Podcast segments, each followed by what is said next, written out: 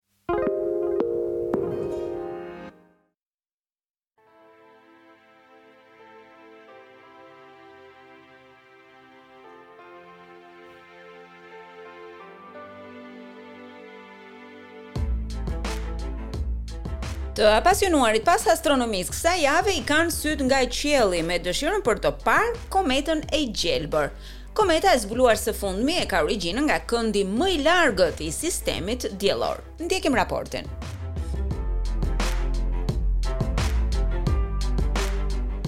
Të gjithë vëzhguesit e yjeve e dinë se në qiellin e natës mund të shohësh qindra gjëra interesante si shira meteorësh, planetë dhe yje. Por këtë javë ata janë nën vëzhgim për të parë një kometë të veçantë, e cila për herë të fundit iu afrua Tokës 50000 vite më parë. Për herë të fundit, ajo ishte e dukshme në qiellin e natës gjatë epokës së gurit. Astronomi Jake Foster është i vendosur në Konservatorin Mbretëror të Greenwich. So the comet will be relatively close as far as comets go, though it's still going to be about 42 million kilometers away from us and Kometa do të jetë relativisht afër. Megjithatë, për sa i përket kometave, është përsëri dyzet e dy milionë kilometra larg nesh. Dhe ndonjëherë planeti Venus mund të na afrohet më shumë se kaq. Pra, sigurisht nuk jemi në rrezik, por jemi afër dhe do të kemi një pamje mjaft të bukur të saj. Quhet kometa ZTF, sipas objektit kalimtar Zwicky, kur u zbulua në mars të vitit të kaluar nga astronomët e Observatorit Kalifornian Palomar. Ata përdorën një kamerë vëzhgimi me fushë të gjerë. Jake Foster thotë se kometa ka një ngjyrë të gjelbër që e bën atë shumë të veçantë. So the reason it's green is because its surface is covered in molecules that are known as diatomic carbon. Arsyeja pse është e gjelbër është sepse sipërfaqja e saj është e mbuluar me molekula që njihen si karboni diatomik. Pra janë dy atome karboni të cilat janë të lidhura së bashku.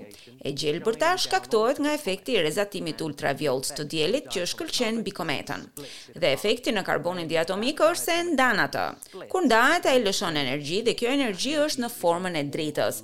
E gjithmonë në një gjatësi vale shumë specifike dhe gjithmonë në ngjyrë të gjelbër.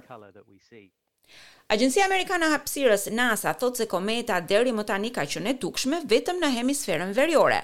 Megjithatë, këtë javë Australia ka radhën e saj.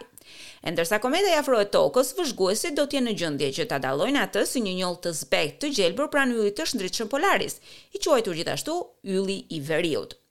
Kometat reflektojnë ngjyra të ndryshme të dritës për shkak të pozicioneve të tyre aktuale në orbitë dhe përbërjeve kimike. Catherine Pilachowski nga Universiteti i Indianës ka disa këshilla për ata që shpresojnë ta shohin në qiell. The comet will appear as a very faint fuzzy patch in the sky. It will come around uh, and brighten up where we could see it toward the north, passing fairly near the the north pole. Kometa do të shfaqet si një copëz shumë e zbehtë dhe turbullt në qiell. Ajo do të vijë përreth, do të shkëlqejë në drejtim të veriut, duke kaluar shumë afër polit të veriut. Më pas do të lëvizë përreth duke u zhytur drejt hemisferës jugore.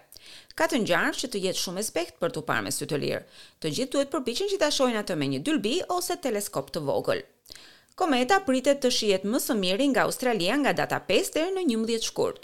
Një moment shumë emocionues për astronomët amatorë, por edhe për profesionistët.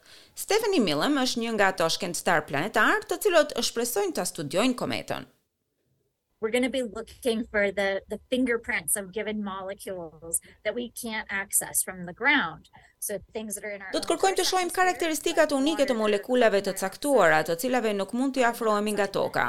Gjëra që janë në atmosferën tonë, si për shembull uji, dioksidi i karbonit, monoksidi i karbonit, metani e të tjerë, ne i shohim, por këto karakteristika të kësaj komete do të jemi në gjendje t'i studiojmë, sepse më parë nuk kemi patur mundësi t'i shohim. Doktoresha Milam thotë se këto studime mund të japim informacione shumë të rëndësishme rreth formimit të sistemit tonë diellor. We're expecting new discoveries and we're really excited to see what this data actually. Presim zbulime të reja dhe jemi të ngazëllyer për të parë se si do të duken këto të dhëna kur t'i kemi.